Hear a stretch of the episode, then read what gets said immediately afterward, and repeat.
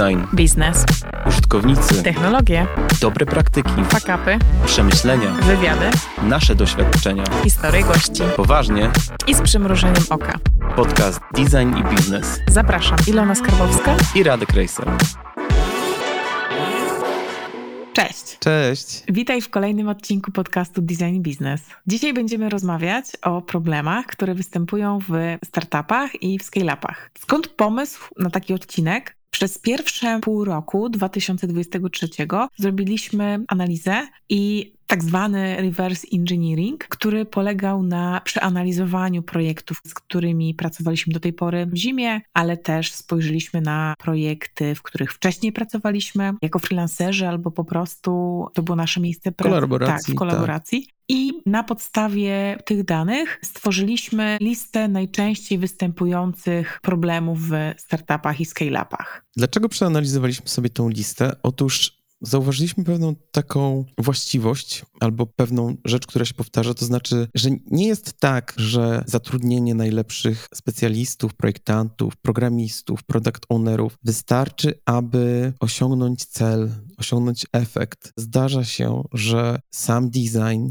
nie wystarcza, żeby rozwiązać problemy, albo nie wystarcza do tego, żeby realnie wyskalować produkt, aby ten produkt został pokochany przez użytkowników. Istotną częścią pracy, która musi zostać włożona poza samym projektowaniem, poza samym produktem, jest działanie w obrębie tego, co dzieje się w samym zespole produktowym, który wdraża i rozwija ten produkt, który jest właśnie odpowiedzialny za podejmowanie decyzji, który ma jakieś swoje kompetencje, które będą świadczyły o tym, czy dany cel zostanie dowieziony, czy dany projekt zostanie wdrożony, jak zostanie wdrożony. Dlatego widząc to, my jako agencja troszeczkę inaczej podchodzimy do designu, do projektowania do wspierania biznesów. I dzisiaj porozmawiamy w pierwszej części właśnie o tych problemach, o których Ilona wspomniała, związanych z produktem. Porozmawiamy o problemach, które są związane właśnie bardziej już z zespołem i jak ten produkt jest budowany, jak jest zarządzany. A na końcu porozmawiamy o usługach, czyli o tym, jaki zima my jako specjaliści mamy pomysł, żeby w tych dwóch obszarach sobie poradzić.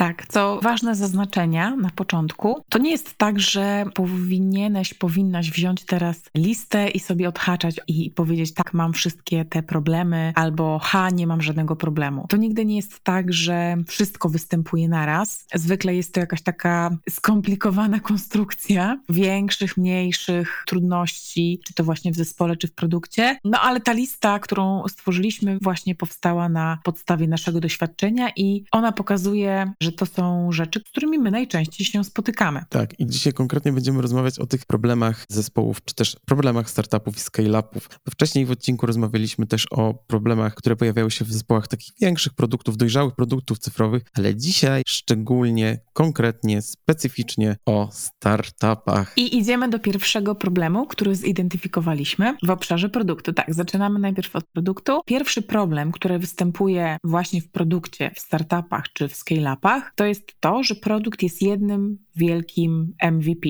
Mamy poczucie, że ten produkt trochę jest na sznurkach, trochę jest spięty na trytytki, no i my określamy ten problem jako jedno duże MVP. Z czym to się wiąże, Radek? Ładnie już tutaj mniej więcej zaznaczyłaś taką metaforę, że to wszystko jest po prostu pod piękną fasadą, ale jednak w środku pospinane na trytytki i to nie wiadomo, jakby jak jedna taka trytytka odpadnie, to wszystko się zaraz rozleci i to się wiąże z tym tak naprawdę, że chcąc dokonać jakichkolwiek zmian, czyli chcąc zmienić tą fasadę powiedzmy, musimy działać na tym, co jest w środku, więc jeśli coś jest tak pospinane w nieuporządkowany sposób, pogrążone w chaosie i nawet nie wiemy czasami, jak ten supeł rozplątać, no to po prostu upływa sporo czasu, zanim wprowadzimy realne zmiany, zanim ta dynamika zmian będzie taka, jaką potrzebujemy, aby osiągać ciągły wzrost. I niestety tak jest, że jeśli jesteśmy startupem, który już jest kilka lat na rynku i rzeczywiście jest właśnie takim wielkim supłem, jest właśnie takim wielkim MVP na trytytkach, no to niestety trzeba nakładu pracy i czasu, żeby to wszystko uporządkować na nowo, uczesać, bo inaczej dynamika wzrostu będzie bardzo spowolniona. Tak, to co ja też widzę w obszarze tego problemu, to jest to, że jeżeli siadamy do jakiegoś jednego feature'a i chcemy poprawić coś w tym jednym featureze, to jak zaczynamy go dotykać, to okazuje się, że on jest połączony z innym featurem i jak już to zmieniamy, to trzeba to zmienić w innym miejscu i właśnie to jest moment, w którym orientujemy się, że nasz produkt to jest jedno wielkie MVP.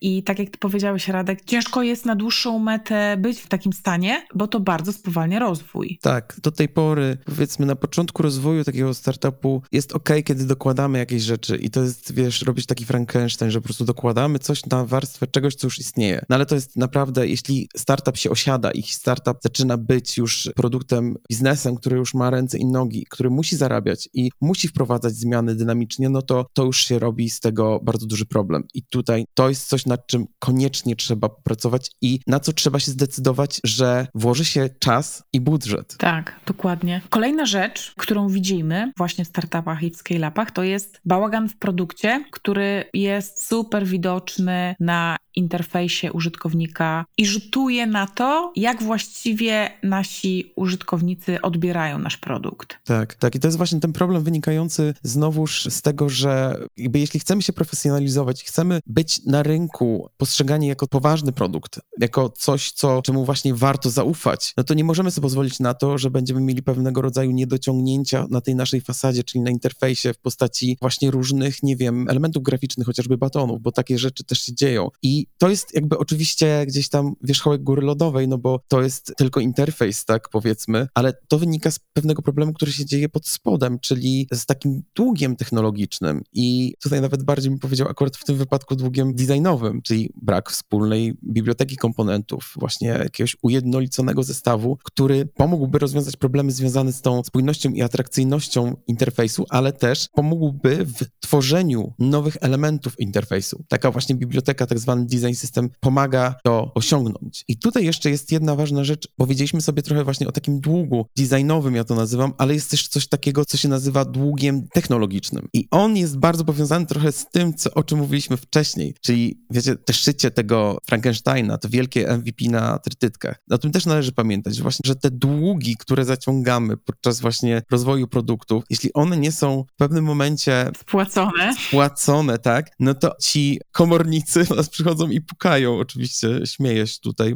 ale komornicy w postaci tego, że po prostu krępujemy sobie ruchy, których potrzebujemy, żeby swobodnie się rozwijać. Tak, i mówiliśmy też o bałaganie w produkcie w jednym z naszych poprzednich odcinków, który traktował o rozwiązaniu tego bałaganu, czyli o design systemie. Mhm. Nie będziemy rozwijać tego tematu, ale zachęcamy Was do przesłuchania też odcinka, który jest dedykowany bałaganowi w produkcie. Przechodząc dalej do samych zdefiniowanych problemów, to jest coś, co jest bardzo specyficzne i co widzimy głównie w przypadku produktów B2B, a mianowicie brak równowagi między tworzeniem funkcjonalności dla poszczególnego klienta, właśnie z którym w B2B mamy bardzo bliskie relacje, a rozwojem produktu jako całość. Czy mogłabyś to rozwinąć jeszcze? Bo to jest bardzo ciekawy temat i być może nie taki prosty i oczywisty. Tak, dokładnie. Więc w przypadku produktów B2B, gdzie biznes sprzedaje do biznesu, rozmawiamy bezpośrednio z naszymi decydentami, z naszymi użytkownikami i właśnie ta relacja jest bardzo bliska. Oni są w stanie bardzo szybko dać nam feedback, bardzo szybko powiedzmy osoba, która odpowiada za wdrożenie naszego produktu po stronie klienta, bardzo szybko może naskrobać nam maila z tym, co nie działa, co się tej osobie nie podoba, albo z informacją zwrotną od użytkowników, bo jest ich po prostu mniej i oni jakby bardzo mają ze sobą relacje, pracują ze sobą. No i to, jak nasz produkt działa, wpływa bezpośrednio na ich pracę. Więc w ich interesie jest to, żeby nasz produkt był coraz lepszy i jak najbardziej przystosowany do trybu pracy, w jakim oni funkcjonują. I przez taki tryb, przez to, że jesteśmy blisko, po pierwsze słuchamy tego klienta, który jest najgłośniejszy, czyli tego, który pisze do nas najwięcej maili, może to są maile, które są najbardziej agresywne, albo właśnie ktoś, kogo najbardziej lubimy. I zaczynamy przemycać do naszej roadmapy takie funkcjonalności, które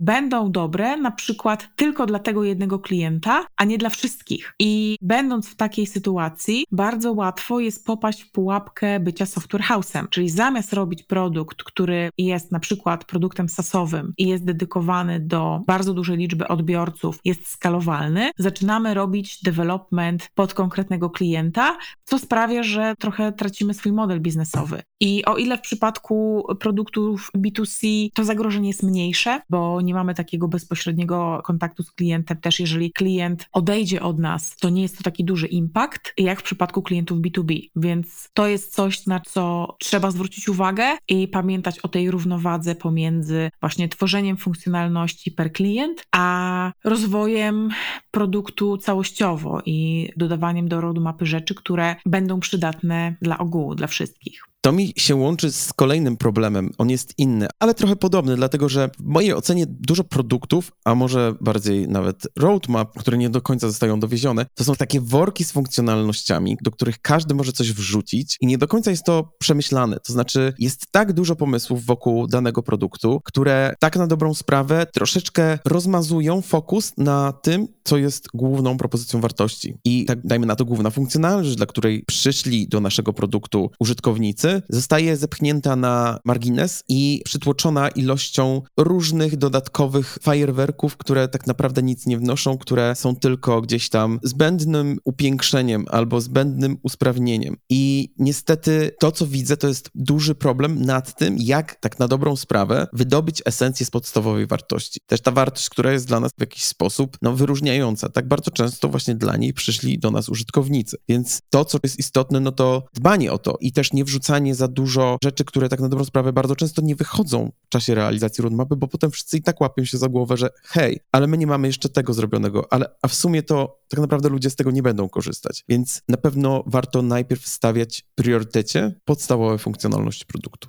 Tak, te funkcjonalności, które przynoszą wartość, a nie tak właściwie zamazują obraz tego, jak wygląda nasz produkt, który staje się później trudniejszy w komunikacji, który potem już sami nie wiemy, którą funkcjonalność mamy rozwijać. Tak. Albo jest droższy w utrzymaniu, bo właśnie ma więcej funkcjonalności. Przypomniałam się teraz historię jednego z startupów, który no już teraz nie funkcjonuje, który miał pomysł na rozwiązanie problemu parkowania w miastach, żeby oznaczać miejsca, które są wolne, w których można zaparkować. I sama idea jest super fajna. W momencie, kiedy usłyszałam o tym, że coś takiego ma powstać, no wiedziałam, że ten produkt naprawdę odpowiada na moją realną potrzebę jako kierowcy i też problemy, jakie są związane z parkowaniem w Warszawie, ale kiedy usłyszałam, że ma być tam też program lojalnościowy, punkty, grywalizacja, pomyślałam sobie, o nie, nie za dużo.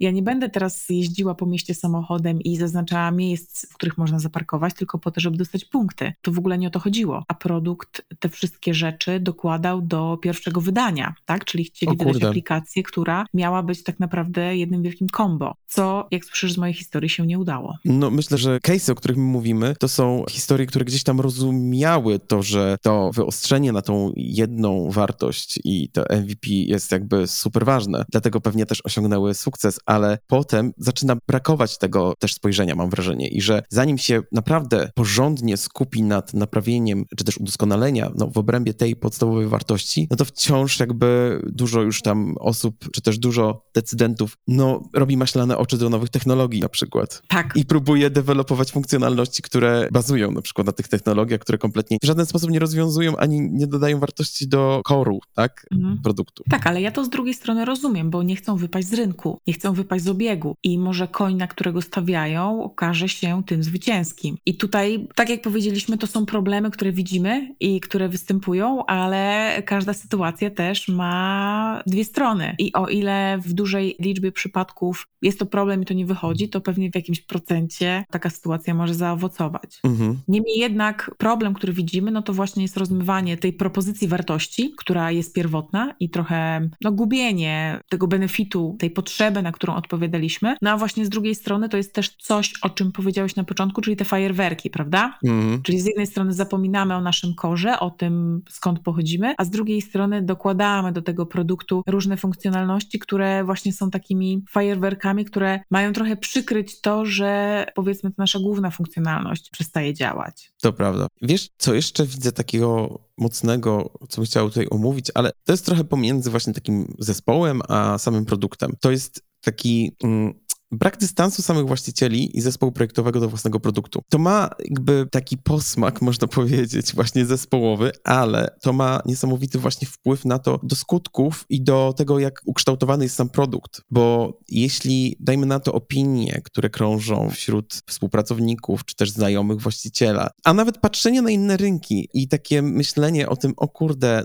nie wiem, ja tam nie dosięgam, albo ja jestem jakiś niedoskonały, mój produkt jest jakiś niedoskonały, niestety prowadzi do jakichś spontanicznych zmian w produkcie, które właśnie nie wynikają z analizy i preferencji właśnie docelowej grupy odbiorców, czy też właściwej analizy rynku. I to właśnie brak tego, czyli brak tych analiz, brak monitorowania konkurencji, niestety właściwy brak, bo to nie mówię, że nie ma tego. Jest kilka takich kluczowych elementów, które gdzieś tam definiują właściwe monitorowanie, czy też właściwe wykonywanie analiz od niewłaściwych, ale nie będę o nich mówił teraz, ale to wpływa na to, że niestety niektóre decyzje podejmowane są spontanicznie, niektóre decyzje podejmowane są emocjonalnie i niestety na tym cierpi produkt. Tak, jak najbardziej. A z tego wynika kolejny problem, czyli brak profesjonalizacji procesów. Dokładnie. I to brzmi może strasznie brak profesjonalizacji procesów, ale właśnie dzięki temu, że mamy chociażby jakiś proces akceptacji, albo mamy proces polegający na tym, że jeżeli product owner zaakceptuje jakąś zmianę i coś jest już w trakcie wdrożenia, czy powiedzmy zostało zaakceptowane w tej pierwszej części UX-owej, że na przykład tego nie cofamy, Mhm. albo nie iterujemy na etapie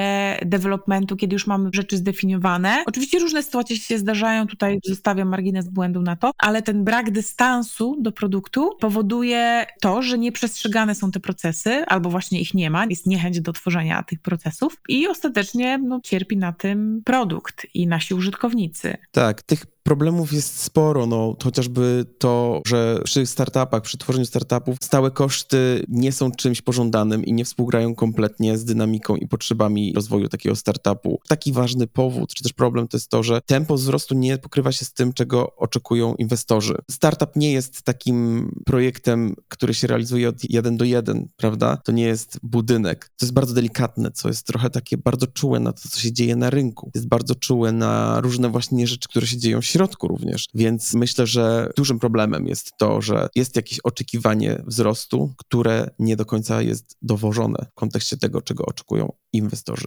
No i oczywiście jakby pamiętajmy, że problem taki, który chyba będzie tylko się nasilał, czyli coraz większa trudność w tym, żeby się wyróżnić na rynku, bo po prostu coraz więcej jest konkurencji, coraz więcej startupów rośnie, nowe technologie tylko umożliwiają w cyfrowym świecie wdrażanie coraz to nowszych produktów, więc coraz trudniej będzie się startupom i produktom właśnie wyróżniać w tym gąszczu. No i takich problemów jest więcej. I jeśli właśnie widzisz część takich problemów u siebie, my bardzo chętnie przestudiujemy Twoją sytuację. I być może jest coś, czym warto się od razu zainteresować. Bo wiesz, to jest tak, że nawet jeśli z samej analizy produktowej wygląda, jakby wszystko było ok w startupie, warto się temu przyjrzeć, co jest wewnątrz samego zespołu. I tutaj właśnie my, jako agencja, mamy trochę inne spojrzenie i nauczyliśmy się, że bez porównywania problemów nie tylko na różnych poziomach, czyli małych, dużych, średnich, ale też w różnych obszarach, czyli właśnie produktowych i zespołowych, nigdy nie będziemy w stanie realnie określić, jak dokonać zmiany. I na pewno zaczynamy zawsze od analizy, takiej głębokiej analizy w ramach tych dwóch obszarów.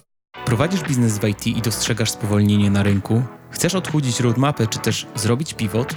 A może do Twojej organizacji wkradł się chaos? Realia biznesowe wymagają gotowości do szybkiej zmiany, a ten ciężko przewidzieć.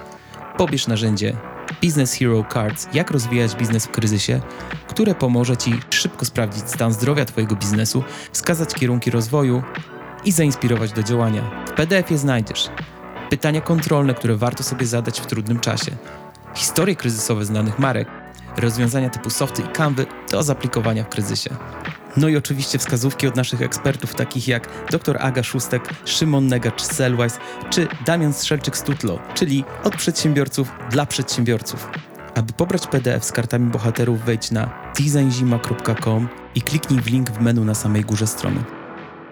Przechodząc dalej do problemów, które występują w startupach czy scale-upach, ale znowu w tej drugiej części, którą adresujemy, czyli w zespołach, coś, co wybija się bardzo mocno, jest to, że czy zespół, czy właśnie jacyś współpracownicy, freelancerzy nie nadążają za tempem rozwoju tego produktu. Na początku rozwoju produktu zwykle zatrudniamy tak zwanych generalistów, którzy są w stanie zakładać właśnie różne kapelusze w zależności od tego, jaka jest potrzeba w danym momencie. Kogoś, kto jest trochę w marketingu, ale jednocześnie w designie, a może jeszcze trochę w sprzedaży. Mamy programistów, którzy są full stackami, mamy powiedzmy designera, który opiekuje się wszystkim, a w pewnym momencie potrzeba nam sprecyzowanej wiedzy, wiedzy albo jakiejś takiej bardzo pogłębionej ekspertyzy w danym obszarze. No i bardzo fajnie widać to w obszarze UX, gdzie możemy mieć jedną osobę, która się zajmuje UX-em, UI-em, ale potem okazuje się, że potrzebujemy zrobić porządne badania, no i tutaj już wchodzą nam trochę inne kompetencje. Chcemy przeprowadzić test AB,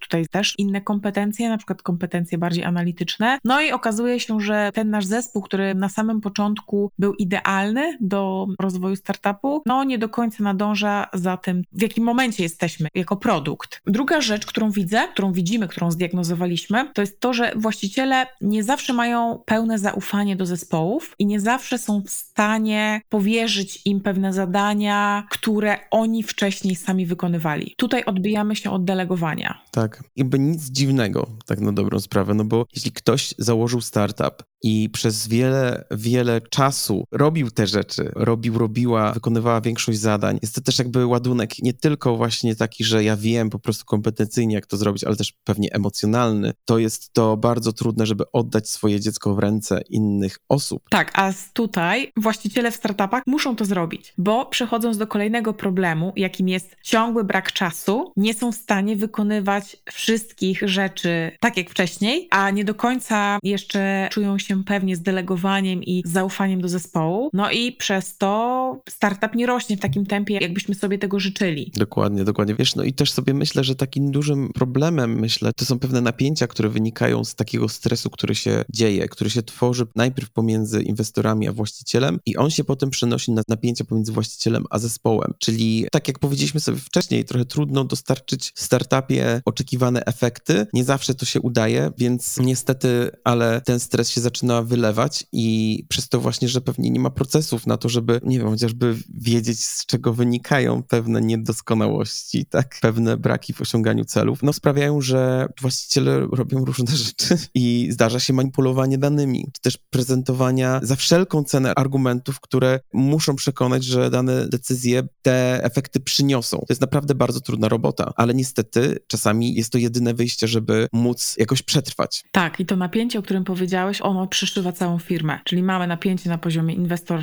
CEO, potem CEO zespół, tak? CEO zespół, tak. Dokładnie. Ale to też nie jest bez przyczyny, bo znowu z naszej analizy wynika, że często osoby, które zakładają startupy, właściciele, CEO, CTO, mają złe doświadczenia z osobami, które... Z agencjami? z agencjami, z agencjami UX? też, tak, oczywiście. Z agencjami UX, czy z projektantami, z marketerami, z badaczami, osobami, które po pierwsze nie do końca kumają czym jest nasz produkt, no bo znowu nie wymyśliły go, nie tworzyły go od początku, ale też brakuje im tej wiedzy biznesowej. Może nie mieli doświadczenia gdzieś tam przeszłości z takimi obszarami, z takimi branżami i może też nie chcą do końca tego tak. biznesu zrozumieć. Chcą być w tej swojej działce, nie? Marketera tak. powiedzmy, czy tego projektanta i nie chcą wyjść dalej. Zrobić super projekt, nie brać za to odpowiedzialności, czy się uda, czy nie, bo teraz powiem o zewnętrznym wsparciu. Jest niestety takie często, może nie przeświadczenie, ale da się odczuć to, że jeśli robisz projekt z zewnątrz, nie masz takiej samej odpowiedzialności, jakbyś robił go w środku. To jest jedna rzecz, więc nie interesują cię tam żadne niuanse związane z całym produktem, kontekstem biznesowym, zespołem i tak dalej. Po prostu sobie robisz projekt. A druga rzecz jest taka, że jeśli już jesteś w środku, jakby jest taka walka, że jeśli ja jestem marketerem albo jestem projektantem, to ja będę walczył z biznesem, bo ja wiem najlepiej, jak moją pracę wykonać. I moje dzieło jest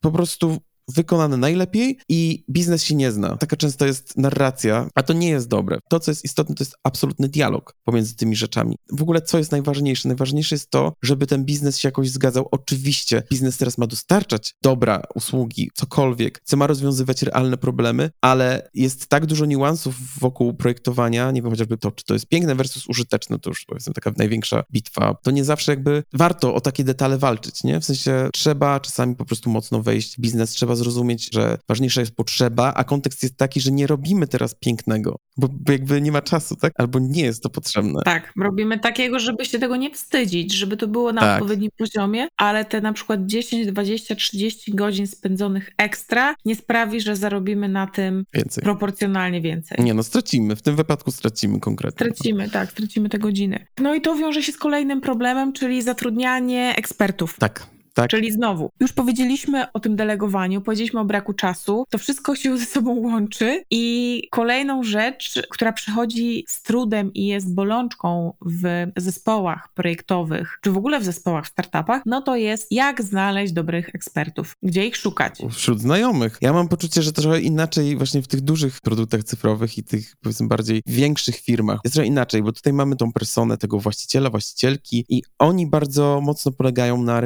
rekomendacjach kolegów i koleżanek z pracy. To znaczy z branży w ogóle. Czyli szukają specjalistów, którzy są poleceni. Ale niestety takie źródło się szybko wyczerpuje. I to też wynika z tego, że jest to, o czym powiedzieliśmy sobie wcześniej, że jakby bardzo jest mały ten próg zaufania do kompetencji. I teraz zatrudniaj w takim środowisku, z takimi potrzebami, z takim mindsetem. To jest pierwsza taka bariera. A druga rzecz jest taka, że naprawdę jest bardzo mało doświadczonych ekspertów UX, UI, badaczy, których można po prostu z rynku zgarnąć. To, co ja widzę też, to jest to, że w startupie potrzebne są przede wszystkim role liderskie. Zazwyczaj tam nie ma aż tak dużych działów, to wszystko nie jest aż tak zhierarchizowane. Tam trzeba osób, które wiedzą, co robią, potrafią podejmować decyzje i tam potrzeba osób liderskich, a te osoby liderskie bardzo trudno zatrudnić. I jak już się ma takie osoby liderskie, no to już jest łatwiej, tak? No bo ta osoba liderska, dany projektant, lead designer, designerka potrafią pociągnąć temat, natomiast żeby w ogóle być na tym etapie, no to trzeba się trochę napocić. Tak, i to przywiodło mnie jeszcze do jednej rzeczy, której akurat nie mamy tu na liście, Mhm. ale jest jednym z problemów, które może występuje trochę rzadziej, ale idealnie pasuje akurat do tego wątku, to jest zatrudnianie zamiast liderów juniorów. Mhm. Czyli mamy startup, jest nam ciężko znaleźć powiedzmy tych liderów, więc ostatecznie rezygnujemy, zatrudniamy kogoś mniej doświadczonego i ta osoba mniej doświadczona sobie nie radzi. My nie jesteśmy w stanie poświęcić jej czasu, no bo znowu wracając do poprzedniego problemu, nie mamy tego czasu na to, żeby ją wspierać, poprawiać, siedzieć z nią codziennie i jakby dawać wskazówki, co sprawia, że potem nie chcemy delegować, bo uważamy, że zrobimy to samodzielnie najlepiej. No i koło się zamyka.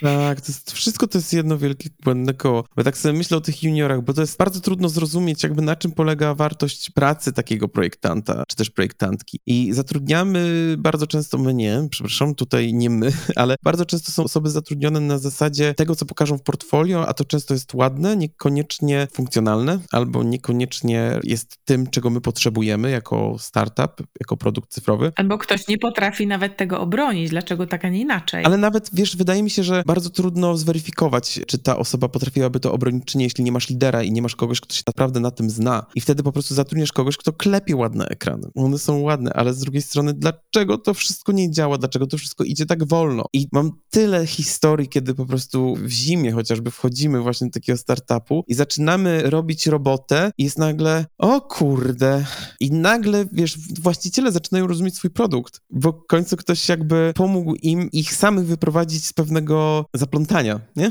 To wszystko łączy się pod jednym, powiedzmy, labelem, czyli problem z oceną kwalifikacji tych ekspertów. Nie do końca wiemy, jakich kompetencji potrzebujemy, albo jak po prostu zweryfikować te umiejętności. No więc takich problemów jest sporo, znowuż w obrębie zespołu również i tak jak wspomniałem na początku, no my staramy się na to patrzeć tak holistycznie, czyli produkt, zespół. Może przejdziemy teraz do tego, jak pracujemy i jakimi usługami dokładnie staramy się rozwiązać te problemy. Więc jeśli ktoś chciał posłuchać tylko o problemach i nie interesuje go, jak wygląda oferta zimy, jak zima pracuje, to spokojnie może wyłączyć już odcinek. A ci, którzy być może widzą u siebie podobne problemy i być może chcieliby zobaczyć, jak takie problemy moglibyśmy rozwiązać, no to zapraszam do słuchania. Zgodnie z tym podziałem, który sobie zastosowaliśmy, czyli mamy dwie strony medalu. Problemy produktowe,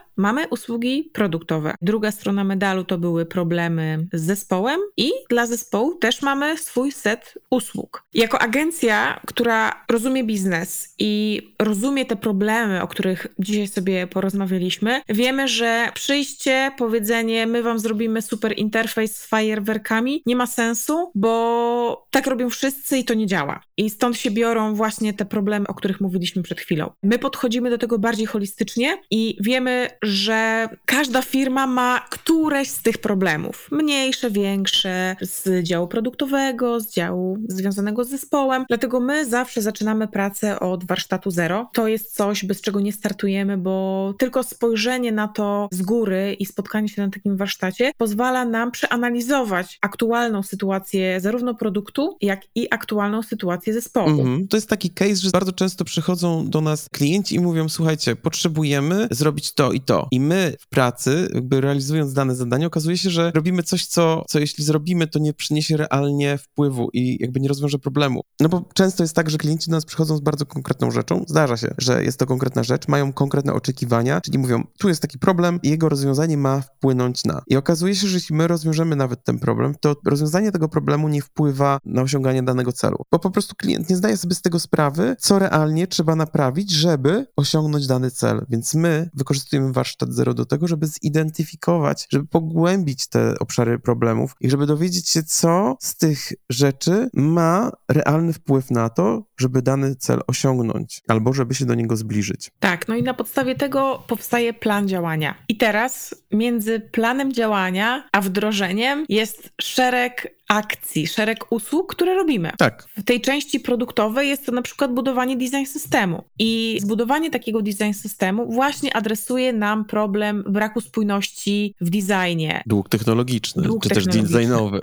Dokładnie. Dalej, robimy audyty UX-owe, które też adresują problemy związane z propozycją wartości, związane z tym, że właśnie budujemy te fajerwerki, zamiast budować funkcjonalności, które są najbardziej potrzebne. To łączy się też z usługą podstawową, czyli usprawnianie samego procesu UX-owego oraz UI-owego. Czyli z jednej strony proces, jak to powstaje, a z drugiej strony sam efekt, tak? Czyli to, co ostatecznie widzi użytkownik, jaki jest kształt produktu, jeśli chodzi o dostarczanie doświadczenia. Tak, żeby też nie odlecieć za bardzo i żeby się nie oderwać od tego, co się dzieje na rynku, mamy usługę cyklicznych raportów, co planuje konkurencja, co się dzieje u konkurencji. Tak, to jest super ważne, bo znowuż ja słyszę o tym i ja sobie zdaję sprawę, że wszyscy robimy te monitoring konkurencji konkurencji, ale realnie bez tak naprawdę postawienia sobie ciągłości w tym obserwowaniu, no bo rynek się zmienia, a tak jak mówię, produkty cyfrowe są bardzo czułe i wrażliwe na to. My musimy robić to w jakimś określonym czasie i musimy patrzeć, co dana konkurencja zrobiła ze swoimi decyzjami, które miała, nie wiem, na początku roku, a co zrobiła z nimi w trakcie trwania tego roku. Mamy takie badanie Buy Feature, które właśnie pomaga nam też rzeczywiście określić, za które z funkcjonalności klient mógłby zapłacić, czy też badanie potrzeb obecnych klientów. Klasyczne badania, w których rzeczywiście zbliżamy się do tego użytkownika i z nim rozmawiamy. Mamy warsztaty pomagające podjąć pewne decyzje produktowe, gdzie